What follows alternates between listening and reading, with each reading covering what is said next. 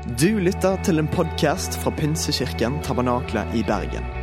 Vi tror at kirken skal være en plass hvor mennesker trives gjennom alle livets faser. En kirke for hele livet.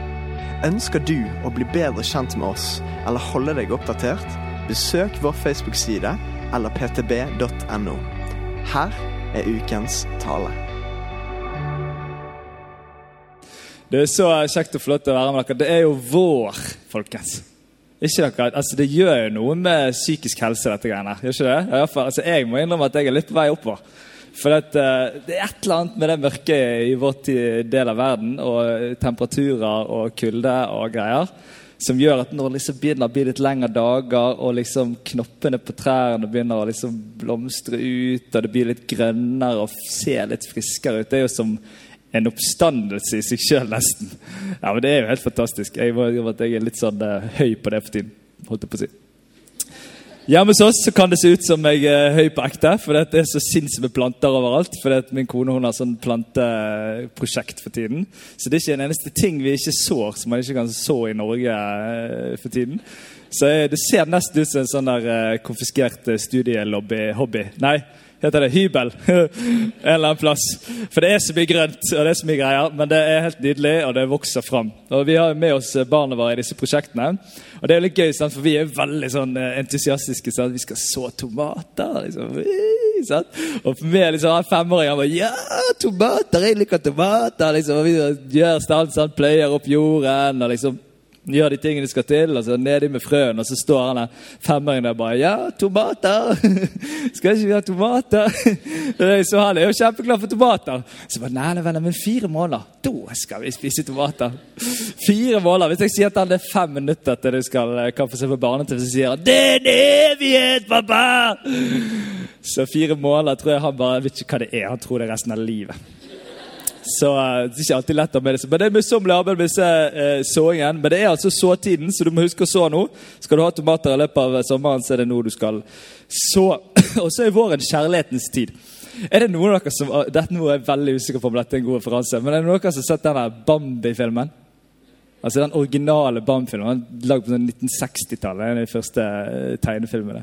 Det er en sånn scene der liksom isen smelter. Og så bare er det så sinnssykt sånn der kjærlighetsscene i dyreriket. Det, litt sånn det er sånn det er sånn han for tiden. Du skal se de her fuglene utenfor meg. Vi har én fugl.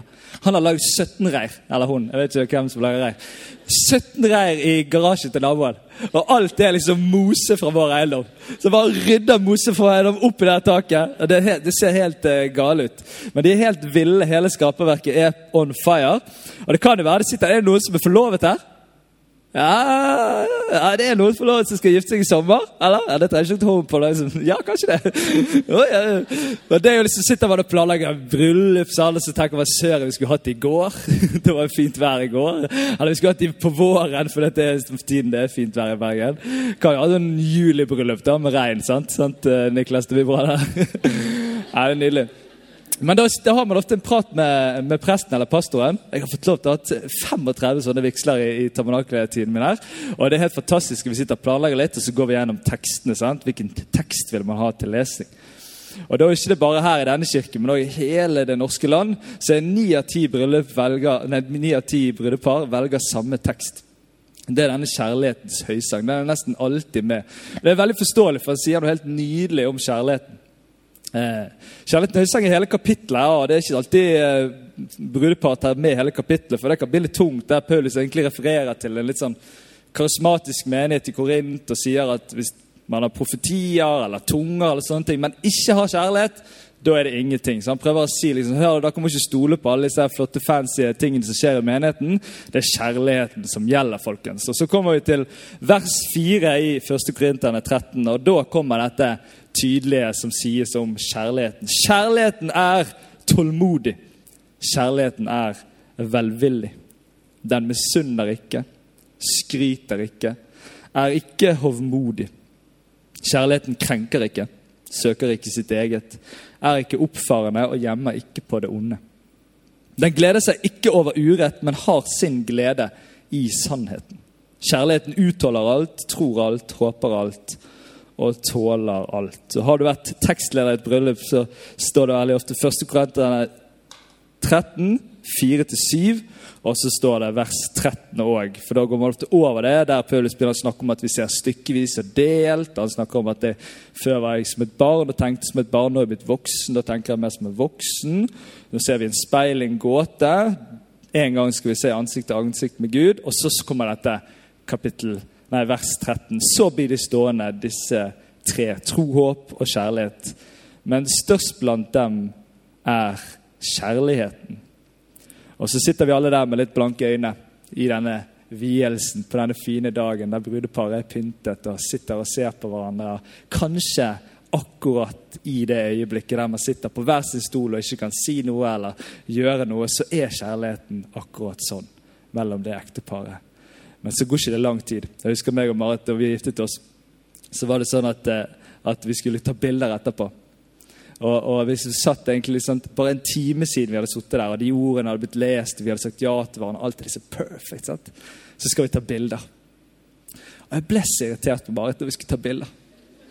Hun var så treig, og jeg var så stresset. Det var så mye annet vi skulle gjøre den dagen. Så jeg sa, kom nå, Marit, kom her og se lykkelig ut. Ta bilde med meg igjen. Kom her. Og det var, det var liksom veldig kort tid da, fra denne fantastiske øyeblikket med den fantastiske beskrivelsen av kjærligheten til det egentlig ganske fort kommer fram at vår menneskelige kjærlighet er jo ikke sånn. Og Selv om vi kan ønske det så grådig med dette nydelige brudeparet som sitter der og har gitt hverandre sitt ja, så er det veldig sjelden at vår kjærlighet er sånn som denne beskrives. Så på en eller annen måte så kan det være i hver vielse det skjer noe som ikke er så veldig smart. Og Det er at vi begynner å blande sammen to forskjellige former for kjærlighet. To forskjellige kjærlighetsdefinisjoner. Der vi, vi, tar denne rene, hellige, helt klare og tydelige der dette er kjærlighet. Det som det står om her, som er Guds kjærlighet. Sånn som Gud er. Gud er kjærlighet, og han er sånn som dette uansett. Og så blander vi den med den menneskelige kjærligheten som bare en time etterpå begynner å bli litt hissige på hverandre. Ikke er så tålmodig, ikke har så mye alltid så bra å gi til hverandre. Og Så blander vi disse tingene sammen, og så taper begge deler. Guds kjærlighet taper fordi vi begynner å lure på om Guds kjærlighet er litt sånn som vår kjærlighet. Kanskje Guds kjærlighet er litt sånn at i øyeblikket er det skikkelig bra, men så litt senere er Gud litt ustabil, og så, og så er det sånn, altså Gud litt sulten, som er veldig ofte tilfellet i vårt forhold. Så Gud, og så blir det liksom dårlig stemning, eller så ikke akkurat sånn som han sa han var egentlig. Og så taper vi andre veien, at vi får altfor høye forventninger til kjærligheten til hverandre. Ja, men du sa jo at du skulle være tålmodig. Du sa jo at du skulle være bevillig. Og så skjønner vi at det er ikke sånn det er å være menneske. Disse to tingene bør ikke liksom blande sammen. Guds kjærlighet må få lov til å stå der klart og tydelig. Men i våre liv så blandes det sammen. I våre liv så blandes det sammen til en, til en helhet. Og jeg er egentlig veldig glad for og Jeg elsker å lese det i bryllup. Jeg er ikke noe imot å lese det hele tatt. fordi jeg tenker at det er nettopp denne kjærligheten som trenger å vokse fram i denne mannen og denne konen for at dette ekteskapet skal bli sunt og bra. Det er nettopp denne kjærligheten som må vokse fram i meg i møte med alle mine relasjoner. For at de skal være sunne og gode. Det er jo dette vi vil se vokse fram i livet vårt. Vi vil jo være det som kjærligheten her blir beskrevet som. Vi vil jo leve det ut eller handle i, i, i, i eh, på den måten i møte med hverandre. ikke det sånn, da? Vi ønsker det. Vi ønsker denne veksten. Det blir jo en slags definisjon, dette her. sant? Kjærligheten blir definert. Nå blir jo kjærligheten definert rundt oss ganske ofte i vår tid. Kjærlighet er jo en av de største liksom, sånne, eh, klisjébegrepene som brukes og fylles med veldig veldig mye forskjellig. Og nå har jeg gjort en liten greie bare for å på en måte leke litt med dette her. At nå har vi på en måte Guds natur. sant? Guds kjærlighet sånn som den er i sin reneste form. Det, den er sånn, liksom. Det er ikke sånn at vi trenger å lure på det. Det er Guds kjærlighet. Den er sånn. Det er sannheten. Sånn er det. Det tror vi på når vi tror på Gud. Og så har vi den menneskelige sannheten. sant? Den menneskelige, nei, den menneskelige kjærligheten. Og Den er ikke bare sånn som jeg har listet den opp nå, for det er veldig negativt, men liksom i det mennesket på sitt verste. Og Da har jeg liksom gitt det syndens natur. da. Hvis du syns det var et litt kjipt teologisk begrep, så ikke heng deg opp i det. Men det er et eller annet som at det er liksom sånn menneske, du ser det, at sånn er mennesker mot hverandre òg. Så er det på en måte litt sånn motsetningen fra denne Guds natur og denne syndens natur. Og Hvis vi ser på disse listene her, da, så kommer de på en måte litt sånn opp mot hverandre på litt eh, med sine liksom eh, motsetninger. sant? Tålmodig, utålmodig, velvillig, egoistisk eller misunner ikke. Han er sjalu, skryter ikke. Han skryter. Ikke håndmodig, håndmodig. sant? Du kan lese videre her. Så ser vi denne listen. og nå sier jeg ikke sånn at Hvis du ikke kjenner Jesus, så er du bare på den ene siden her. eller Hvis du kjenner Gud, så er du bare på denne eh, andre siden der. Men vi lever på en måte litt i aksen imellom her. Og som kristne så er det jo sånn at vi ønsker at vi skal på disse områdene da, Vi kunne ha lagt på eh, Galaterne 5, åndens frukter, som er en sånn oppsummering av på en måte Guds karakter eller Guds kjærlighet. hvordan den er egentlig.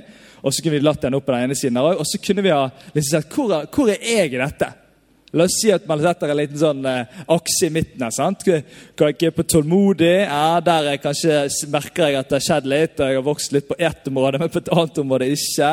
Og så ser man det kanskje, kanskje er det litt sånn at man merker at her har det vært en, en vekst, faktisk. Her har jeg merker at Gud har gjort noe. Eller her, her var det annerledes før, men nå er det blitt sånn. Eller så kommer man plutselig kom på et område der man tenker sånn «Å, heiene, her har det stått stille ganske lenge nå. Her er det liksom ikke noe greier og ikke noe bevegelse. Og det er egentlig ganske kjipt. Det burde vært annerledes, egentlig.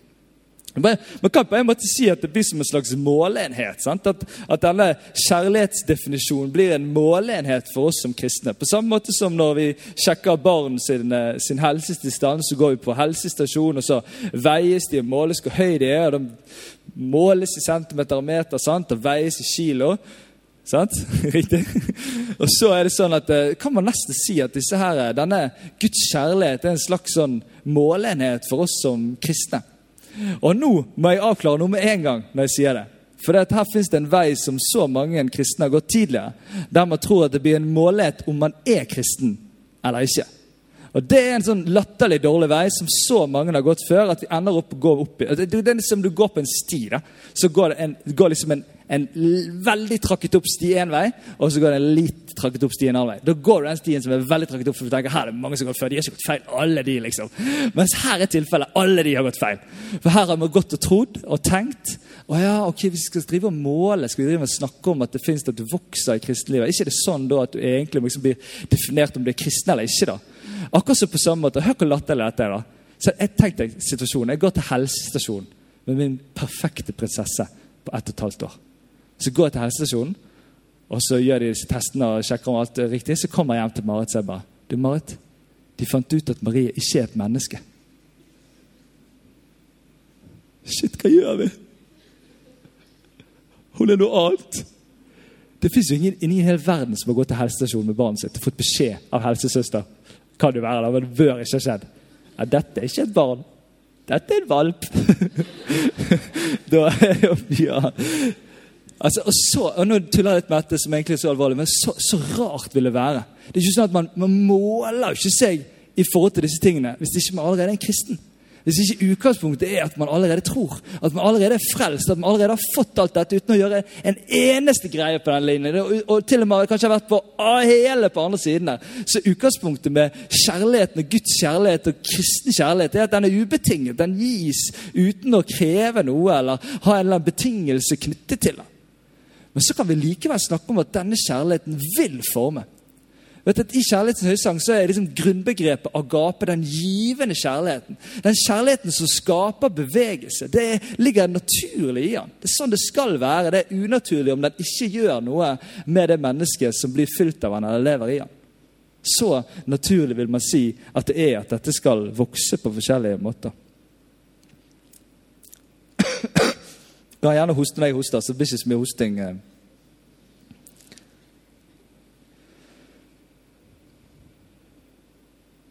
Ok, men hvordan kan vi få denne veksten? Det må vi snakke litt om. sant? Hvordan, kan denne veksten skje i kristenlivet? Hvordan kan vi se at liksom denne listen blir liksom mer og mer sånn jeg er i møte med mennesker? Vi kommer aldri til å komme der helt. sant? Det kommer alltid til å være en avstand, men vi kan få lov til å vokse.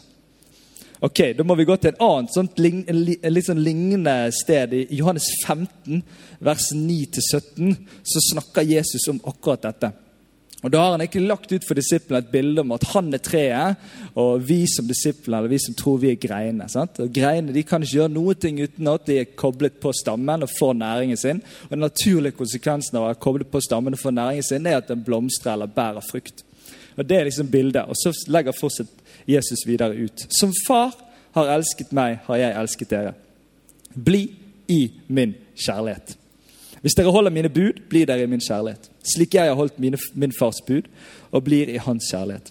Dette har jeg sagt dere for at min glede kan være i dere, og deres glede kan bli fullkommen. Og dette er mitt bud. Dere skal elske hverandre som jeg har elsket dere. Altså Det er en annen kjærlighet vi får lov til å elske med. Den måten Jesus elsker på. Ingen har større kjærlighet enn den som gir livet for vennene sine. Dere er mine venner hvis dere gjør det jeg befaler dere. Jeg kaller dere ikke lenger tjenere, for tjeneren vet ikke hva Herren hans gjør. Jeg kaller dere venner, for jeg har gjort det kjent for dere alt jeg har hørt av min far. Dere har ikke utvalgt meg, men jeg har utvalgt dere og satt dere til å gå ut og bære frukt. En frukt som varer. Da skal Far gi dere alt dere ber om i mitt navn. Dette er mitt bud til dere. Elsk hverandre. Ok, Tre ting fra denne teksten. Nummer én, det er Gud som gir veksten. Det ligger ingen sånn her eh, strategi 1, 2, 3, hvordan få mest mulig vekst. Det er Gud som gjør vekstgreiene. Det er ikke sånn at det er en konkurranse i kristenverden om hvem som vokser fortest. Det, er ikke, det er ikke poenget. Det er Gud som gir vekst. Sant? Så Den naturlige konsekvensen av at vi er sammen med Han, er vekst. Men det er ikke så viktig hvor fort det går. Det, det, er Han som gjør veksten. Sant? Det har ikke vi så mye med å gjøre, men vi blir utsatt for det fordi vi er koblet på. Og Da er det gjennom fellesskapet med Jesus og Hans ord til oss. Det er det som er liksom det helt uh, banale, enkle forklaringen på hvordan vokse. Jo, det er å være sammen med Jesus, høre på det han sier, og handle etter det han sier. Det er så enkel oppskrift. Det er litt mer komplisert hvis du går i dybden, men likevel så enkelt er det egentlig. Her ligger det greit foran oss. Okay? Fellesskap med Jesus, være sammen med han, bønn, fylle seg med Guds ord. Eh, hva sier det om forskjellige ting? og La det forvandle deg, og handle, velge å handle etter det. Og så Nummer tre det er at det, frukten er det synlige tegnet på veksten. Sant? At det, Frukten det er jo hvordan vi da elsker hverandre, eller hvordan vi behandler hverandre. Det blir det synlige. For det som usynlig skjer her inne, så blir det det synlige som blir synlig for folk rundt oss, så folk rundt oss kan merke. Eksempel. Oi, du har jo blitt litt mer tålmodig, André. Sant? Det hadde vært kjekt hvis noen sa til meg jobbet så sinnssykt med det der. Nei da. Jeg må ikke tulle, for da blir jeg hoste. Sant? Ok, Så alle disse vekstbildene som brukes i Bibelen Vi må bare forstå at alle vekstbildene som brukes, det er himla kjedelige vekstbilder. Det er sånn tomater fire måneder fram i tid. Det er sånn greie. Du vet at meg og Marit vi holder på med plen hjemme. Vi har litt plen. Så er vi imot sånn rullegress. Har dere hørt om rullegress? Nei, Da kjøper du liksom ferdig gress på butikken, og så ruller du ut, så ser det ut som liksom alt er bra med en gang. Det fins ikke rullegress i denne verden. Her må du plante og så. Her er det dag for dag. Her er det går prosessene. Det er vekst. Det er som et barn som vokser til. Det tar lang tid. Fra år til år. Det er ikke den quick fixen som vi har så lyst til å finne. Vi har så lyst til å finne den der rullegresset. Som bare, det høres forferdelig ut, kan man si det. Altså, det kan vi ha finne en som bare gjør at jeg bare, å, jeg bare ble tålmodig. Var, jeg bare hadde den sterke møtet med Gud i kveld, og så bare var jeg tålmodig neste dag. Helt fantastisk. Det er liksom ikke Det kan være øyeblikk eller sterke ting som skjer, sånn som kanskje en helgen har vært med, som, som, blir sånne milepæler. Men det er helt klart at dette er langsiktige greier. Det er ingen greier, Og det her er så utrolig viktig. At man ikke blir resultatorientert i dette greiene. Du vet at I verden hvor vi er så resultatorientert i alt vi holder på med, og hvis vi drives av resultater eller motiveres av resultater, så kommer ikke vi til å gidde å være i dette greiene her. For det kommer til å ta så lang tid å se resultatene, eller være vanskelig å se resultater. Så Derfor så trenger vi å finne en annen drivkraft. Og Da jeg begynte her som hodespastor for, for ti år siden, så var det en visjon som sa at vi var drevet av kjærlighet. Den setningen har holdt i meg hele veien. Det er det vi ønsker å være. Drevet av kjærlighet. Slik som Han har elsket oss, skal vi elske hverandre. Det er en kjærlighet som driver meg, og ønsker at jeg, eller jeg ønsker i den, eller blir drevet av den til å handle annerledes eller til å vokse i min karakter.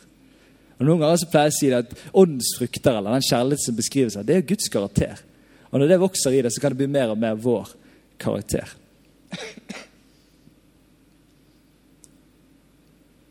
Men vi har så lyst på snarveiene. Og det fins noen sånne snarveier jeg har oppdaget. både i mitt eget liv og inn i andres liv. ene snarveien vi prøver på, det er bare å lære sinnssykt mye. Ja, men Da bare hører jeg 17 lydbøker. Eller bare, liksom, jeg, bare, jeg bare kjører på på liksom, finne ut av alt. For da, liksom, mm, da kan jeg iallfall svare på greiene. sant? Og Før i tiden så var det sånn pugging. sant? Jeg bare, ja, 'Hvordan går det med åndens frukter med deg?' Jo, jeg kan de på rams. Ja, Supert bra. Skikkelig bra. Jeg skal være på sånn barneleir. De kunne så mye om Bibelen. Jeg, og. Jeg tenkte sånn, Hva skjer med den gjengen her? Så kommer de ut på fotballbanen etterpå, så tenkte jeg de, det var, ikke helt sammenheng. Og det er liksom, det er så typisk sånn greie. Vi bare liksom, ja, men jeg skal være pugge det. Jeg bare pugger det, da funker det. Jeg kan alle svarene. Spør meg. Jeg, jeg, jeg sier alle de riktige tingene. Og så på en måte prøver vi å jukse litt der. sant? Jeg, jeg husker tidlig jeg skjønte at jeg kunne si alle de riktige tingene, og så kunne man late som at man var kommet litt lenger. Man var kommet. Det er ikke smart, sant? Eller jeg kan bare få en rolle i kirken. Hvis jeg bare får en rolle eller et ansvar, så er det sånn, da bare skjer dette automatisk. Jeg tror veldig klart at å være i lederskap eller være engasjert i kirke kan være med å skape vekst. Vekst helt klart. Men det fins en fortelling litt lenger fram i tid i, i, i, i alder fra, fra, dere, som er litt sånn at folk begynner å klamre seg til roller. Men jeg ja, men, det, ja, men jeg, gjør jo det jeg skal i kirken, så da er det greit. Og så er det så mye annet som egentlig vil vokse, så mye annet som egentlig vil blomstre, men som man bare ignorerer fordi at, eller man bare orker ikke fordi at ja, men jeg gjør jo denne oppgaven. Jeg, det går greit så lenge jeg står i denne oppgaven. Eller kanskje er det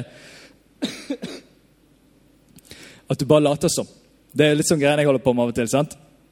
Jeg har en sånn greie på at jeg vil at folk skal tro at jeg er en god far. sant? Så det, når, jeg kommer, når jeg kommer til kirken, så kjører vi til kirken, så kjefter jeg og smeller på ungene mine sant? fordi de er altfor seine ute i bilen eller et eller annet og krangler. Og så kommer jeg, liksom, så kommer jeg inn kirkedøren ja. Og så, og så bare, bare, bare holder jeg dem sammen sant, hele kirketiden, og så kommer vi ut døren inn i bilen, og så, kjører jeg på. sant? Det er så sykt mange mennesker kristne som holder på på den måten. Som bare har så lyst til at folk skal tro at vi er litt bedre enn det vi egentlig er. Og så tar vi på oss en eller annen greie, og det er selvfølgelig bra at vi skjerper oss litt noen ganger i fellesskapet, men allikevel så kan det skape en enorm distanse da, og lureri av å tenke liksom at ja, men jeg bare holder igjen, og så går det som oftest utover de nærmeste. For de klarer vi ikke å leve sånn hele tiden.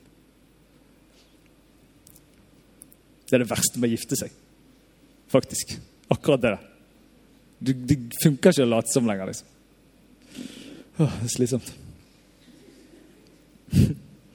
Men det er veldig kjekt òg, dere som skal gifte dere.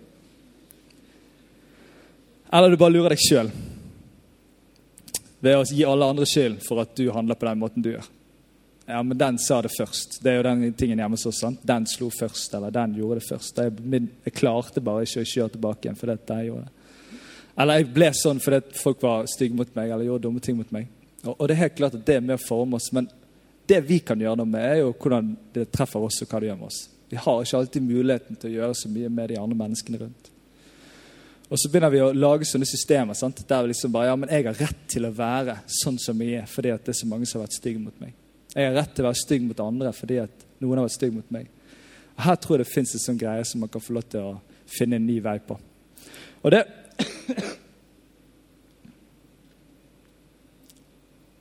For det, det, er et eller annet her da, som gjør ja, sant? Det hjelper ikke å drikke heller, skjønner du. Det er derfor jeg kommer med vann. Men jeg er glad for at du kommer. Og det her er en sånn utrolig sånn eh, viktig greie som jeg har lyst til at du skal, skal få med deg eh, før vi går videre nå. Og det er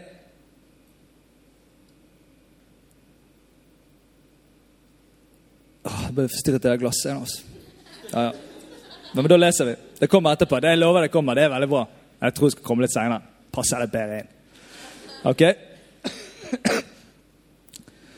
Fordi vi skal lese om eh, denne, denne veksten. For det, det som er gøy, da, det er at Jesus bruker en sånn uh, historie om akkurat litt av de tingene som jeg har snakket om, og såing og sånne ting. Og så er det veldig interessant at Jesus han bruker store deler av denne eksempelfortellingen til å snakke om det som hindrer vekst, ikke det som gir vekst. Og Det syns jeg er litt interessant. Hvorfor, hvorfor, bruker Jesus så mye tid på det? Vi skal lese sammen nå. Hør her. Hør, sa Jesus. Da er vi i Markus 4, 3. En såmann gikk ut for å så. Og Da han sådde, falt noe ved veien, og fuglene kom og tok det. Noe falt på steingrunn hvor det var lite jord, og det skjøt straks i været fordi jordlaget var tynt. Men da solen steg, ble det svidd og visnet fordi det ikke var slått, fått slått rot. Noe falt blant tornebusker, og tornebuskene buskene vokste opp og kvalte de, så det ikke bar frukt. Men noe falt i god jord. Det skjøt opp, vokste og bar frukt. 30, 60, ja 100 ganger det som ble sådd. Og han sa, den som har ører å høre med, hør. Og så sier han noe mer i forhold til de forskjellige tingene. Og så går vi videre i 13, for da skal han forklare. Og han sa til dem, når dere ikke forstår denne lignelsen, hvordan kan dere da forstå noe annen lignelse? Jesus er litt oppgitt på disippelflokken. Såmannen sår ordet. De ved veien er slike som ordet blir sådd i, men når de har hørt det, kommer straks Satan og tar bort ordet som ble sådd i dem. På samme måte er det med den som ble sådd på steingrunn. Det er de som straks tar imot ordet med glede når de får høre det, men de har ingen rot og holder bare ut i en tid. Når de møter motgang eller forfølgelse for ordets skyld, faller de fra. Andre igjen er de som blir sådd blant tornebusker. De hører ordet, men dette, dette livets bekymringer, rikdommens bedrag og lysten på alle andre ting kommer inn og kveler ordet. Hør denne beskrivelsen av Norge i dag. da. Hør nå. De hører ordet, men dette livets bekymringer, rikdommens bedrag og lysten på alle andre ting kommer inn og kveler ordet, så det ikke bærer frukt. Det er jo en profeti til Norge 2022. Men de som ble sådd i den gode jorden, men det som ble sådd i den gode jorden, er de som hører ordet, tar imot det og bærer frukt 30, 60 og 100 ganger det som ble sådd. Det er jo litt forskjellige ting her å få med seg, sant? men så man det Jesus. Det som blir sådd, det er Guds ord. Det som blir sådd alle stedene, det er jo litt interessant. Jesus sår alle stedene. Det var ganske ulogisk for gjengen som hørte på at han sådde på den harde veien ved siden av den pløyde gode marken. Men sånn er Jesus. Han sår ut til alle. Det er ikke en kvalifisert jord eller ikke. Han sår ut til alle mennesker. Og så kommer dette. Hvorfor bruker eh, Jesus så mye tid på det som hindrer vekst, istedenfor det som gir vekst? Nå har jeg sagt litt om det sant, i Johannes 15. der. Allikevel så bruker han fortelling der tre av eksemplene er knyttet til det at man, det hindrer vekst. Og Dette rokker litt med dette bildet av at ja, men ikke jeg, ikke jeg bare en grein som står på et tre, og som ikke kan gjøre noe ting uten Gud? Hvorfor skal vi snakke om ting som hindrer vekst? Hvorfor skal vi begynne å bruke tid på det? egentlig? Skal ikke vi bare være sammen med Gud, så ordner det seg? på en måte? Og Da er det jo litt interessant at vi liksom nesten kommer i berøring av det som er kanskje kjernen av kjærligheten, av den bibelske kjærligheten, som har denne frie viljen helt som et fundament, som et utgangspunkt. Det at mennesket er skapt med en fri vilje til å velge Gud eller velge bort Gud. Til å velge å gjøre det gode eller velge å gjøre det onde. Det er, den fri vilje som ligger der i bunn. Og Det er så viktig utgangspunkt.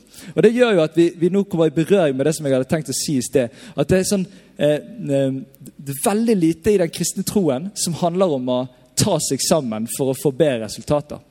Men veldig mye handler egentlig om å falle sammen for å gi slipp på ting som man ubevisst eller uten å vite det har begynt å holde fast på. Og Det høres så rart ut. Hvorfor holder vi fast på ting som er negativt for oss? Hvorfor gidder vi det? Og Men det er fordi vi ennå ikke har skjønt hvor negativt det er. Eller vi ennå ikke har sett at vi faktisk holder fast på det. Og Det virker for meg som at denne fortellingen er en sånn gi slipp, folkens.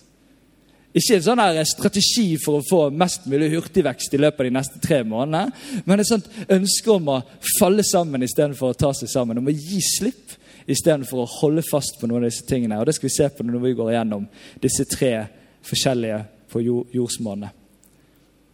Og Når vi nå går igjennom disse tre, så har jeg så lyst til at denne tiden Nå, nå er det ikke lenge igjen, så det sier noe sånn dyptutleggende her. Du skal ikke liksom sitte og tenke sånn, å, lure på hvordan han skal han finne på noe nytt og spennende å si om denne fortellingen nå. Så jeg har bare lyst til at du skal liksom du skal være akkurat her med hele deg nå. Kanskje er du litt sånn som meg som legger igjen sinte André ute på trappen der, og så kommer du inn i kirken og så tenker du det er så digg å bare vise en litt bedre versjon til kirken nå, og så får vi heller ta, komme tilbake til han dårlige versjonen når jeg kommer hjem igjen. Så jeg har så utrolig lyst til at du skal bare ta den personen din her nå når jeg sitter ute på kirketrappen der, og være her fullt til stede, hele deg. Okay, det er ikke noe vits i at jeg går videre nå, hvis ikke du er her med hele deg. Og Jeg vet hvor fristende det er, og jeg vet hvor vanskelig det kan være i et rom og liksom tenke at det skal være fullt hele meg, men nå har jeg bare veldig lyst til å gi deg tid og rom til det. Komme og være her med hele deg. For Når jeg skal fortsette nå, så skal jeg ikke gi så mange eksempler. jeg skal ikke gi så mye, For jeg har veldig lyst til at dette skal treffe deg. At Gud ved sin ånd, som er i deg hvis du tror, kan vise deg noen ting i ditt liv som kanskje du skal få lov til å gi slipp på. For Det er det denne kjærligheten gjør. Han setter fri ved at vi òg inviteres til å slippe noen sånne ting. Okay, den første tingen det er på veien. Du vet at På veien det handlet om at det var hardt, fordi det var mellom alle åkrene. og Der gikk folk hele tiden og trampes ting hardt ned. Og Sånn er det kanskje med noen her, at de er blitt trampet på. Det er blitt hardt. Det er ikke sikkert det trenger å være så hardt at ikke du har klart å ta imot Jesus, men det er veldig hardt når Guds sannheter om hvem du er, treffer deg. For det er så mange andre sannheter eller så mange andre ting du har hørt, så mange andre ting som har truffet deg, som gjør at det bare preller av. Eller det blir liggende utenpå. Og er det én ting den onde har lyst til å ta, er det Guds sannheter vekk. Og det er enkelt å plukke vekk når det ligger på utsiden, som en fugl som henter disse kornene. Profeten Esekiel roper ut at Gud kan gi oss et nytt hjerte. Han kan ta ut steinhjertet som er blitt hardt, som er blitt trakket på, som er blitt så mye vondt som gjør at det ikke er rom for at noe annet kan komme inn. Og få et kjøtthjerte istedenfor, som er mykt og formbart, og som kan ta imot.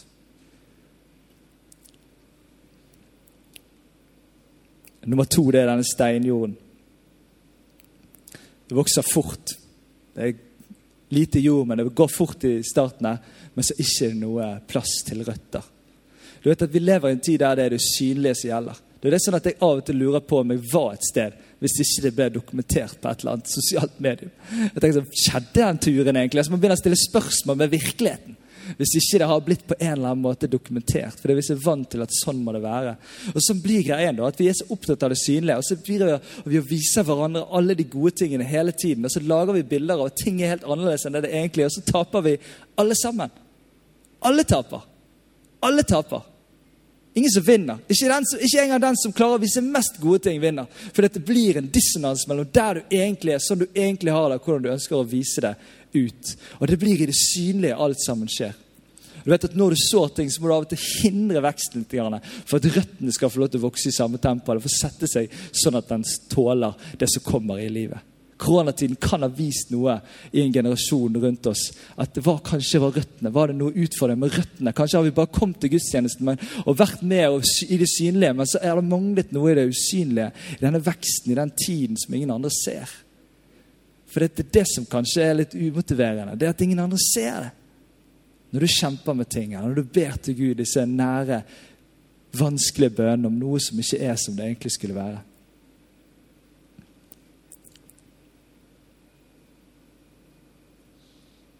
Trenger røtter. I Fesserbrevet 3 så står det om å være rotfestet og grunnfestet i kjærlighet. Og det er noe annet da, enn sånne pinglete sitka-gran-røtter.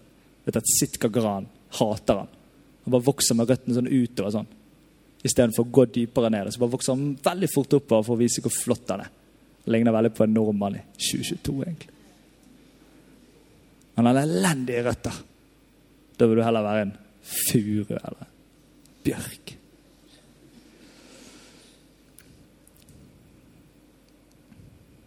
Du kan være rotfestet og grunnfestet i en annen kjærlighet enn den verden snakker om. Hør da, vi har en annen kjærlighet.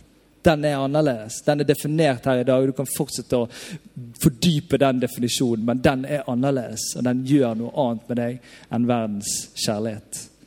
Og så er det denne som blir sådd blant tornebusker. Jeg vet ikke om du klarer å se for deg det, men å sitte inni en tornebusk. Jeg vet ikke om du har gjort det noen gang. Kanskje det gikk, gikk, gikk, gikk dårlig i en gjemsel en gang i oppveksten. Jeg vet ikke, jeg, jeg føler faktisk jeg har gjort det. på en eller annen måte. Så sitter du inni den tornebusken og tenker sånn Jeg beveger meg aldri igjen. Vet du hvor sinnssykt skarpe torner Det er ikke bare sånn vi sier sånn tornebusker. De er helt sykt skarpe. Vi holder på med sånn tornebusker nå hjemme. Sitter du der så har ikke lyst til å bevege deg. Du har bare lyst til å bare, jeg bare blir her resten av livet. Og så må du tisse da, hvis det er gjemsel. Jeg må alltid tisse når, når det er gjemsel. Så sitter du der, da, og så er det beskrivelsen av så mange mennesker i Norge. Du vet at bekymringene vokser rundt oss. I alt vi eier, i alt vi skulle ha eid, i alt vi skulle ha fått til, i alt vi skulle ha bevist, i alt vi skulle ha hele tiden, i alt vi skulle jage etter. Ja, men dette trenger du òg, og så sitter du plutselig der, og så er du fanget orker så vidt å leve. Du bare følger akkurat det sporet som verden sier, og så er du på en eller annen måte som noe som vokser i en tårnebusk, som ikke lenger kan vokse, og så fort blir kvelt. Når bevegelsen stopper, da blir det usunt. Hør, da. Det er så sant, det Jesus sier, at det som kveler noe positivt og godt som vokser i mennesket, det er så ofte knyttet til bekymringer og rikdommens bedrag. Og hør da, Du har mange her av livet foran seg. Velg annerledes i forhold til materiellet. Velg annerledes i forhold til hvordan du forholder deg til ting. La ikke ting eie deg. Vær klar på at du eier tingene. Vær klar på at du trenger ikke velge sånn som hele verden rundt velger, selv om det virker så være så lurt. Tenk sjøl! Og spør Jesus hva er bra for meg. Du vet at Denne våren jeg har hatt så mange ting som er blitt ødelagt. Jeg, jeg har ikke noen fungerende ting igjen. Altså det, det, er som å leve med at bare verden rundt meg raser. Men det går veldig bra i menighet og alle sånne viktige ting. Men sånne materielle ting det går så dårlig. Elsykkelen lader ikke. Girkassen på Forden funker ikke. Båten styrer ikke. Jeg kødder ikke. Dette er helt sant. Hele greia det bare rakner.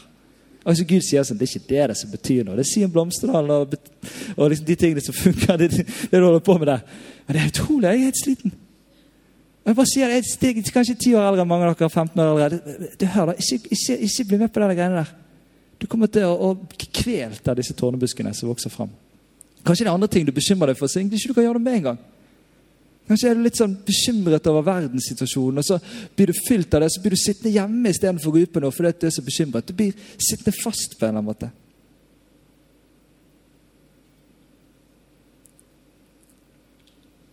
Og så er det denne gode jorden.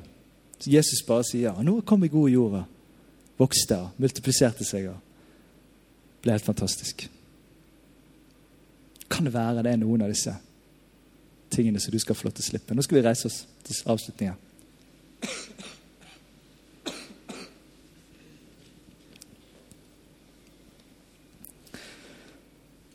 Og Jeg har så lyst til å være med og legge til rette for noe som kan skje her. Kanskje kan det skje i kveld med deg, med deg alene. Kanskje kan det skje på, på life-gruppe på onsdag. Men jeg har så lyst til å legge til rette for at du skal få lov til å slippe noen ting. Og Det kan virke litt sånn rart å forholde seg til som noe du slipper. Sånn? Kanskje tenker du ja, men jeg har prøvd å slippe det så mange ganger. eller Det er ikke bare sånn at så enkelt er det. Eller sånt. Men jeg tror jeg har fått et ord for Gud på dette med at det er å slippe som det gjelder. Jeg tror det er et eller annet som, som gjør med å forandre tanken rundt det som du på en eller annen måte kjenner at Gud har minnet deg om i dag, som handler mer om å slippe taket enn å ta tak i det eller ta seg sammen. Det er det som er så fantastisk med å tro og leve i denne kjærligheten. Den virker i oss, folkens. Den har en kraft til å gjøre ting som vi ikke kan gjøre sjøl. Du lytter til en podkast fra Pinsekirken Tabernakle i Bergen.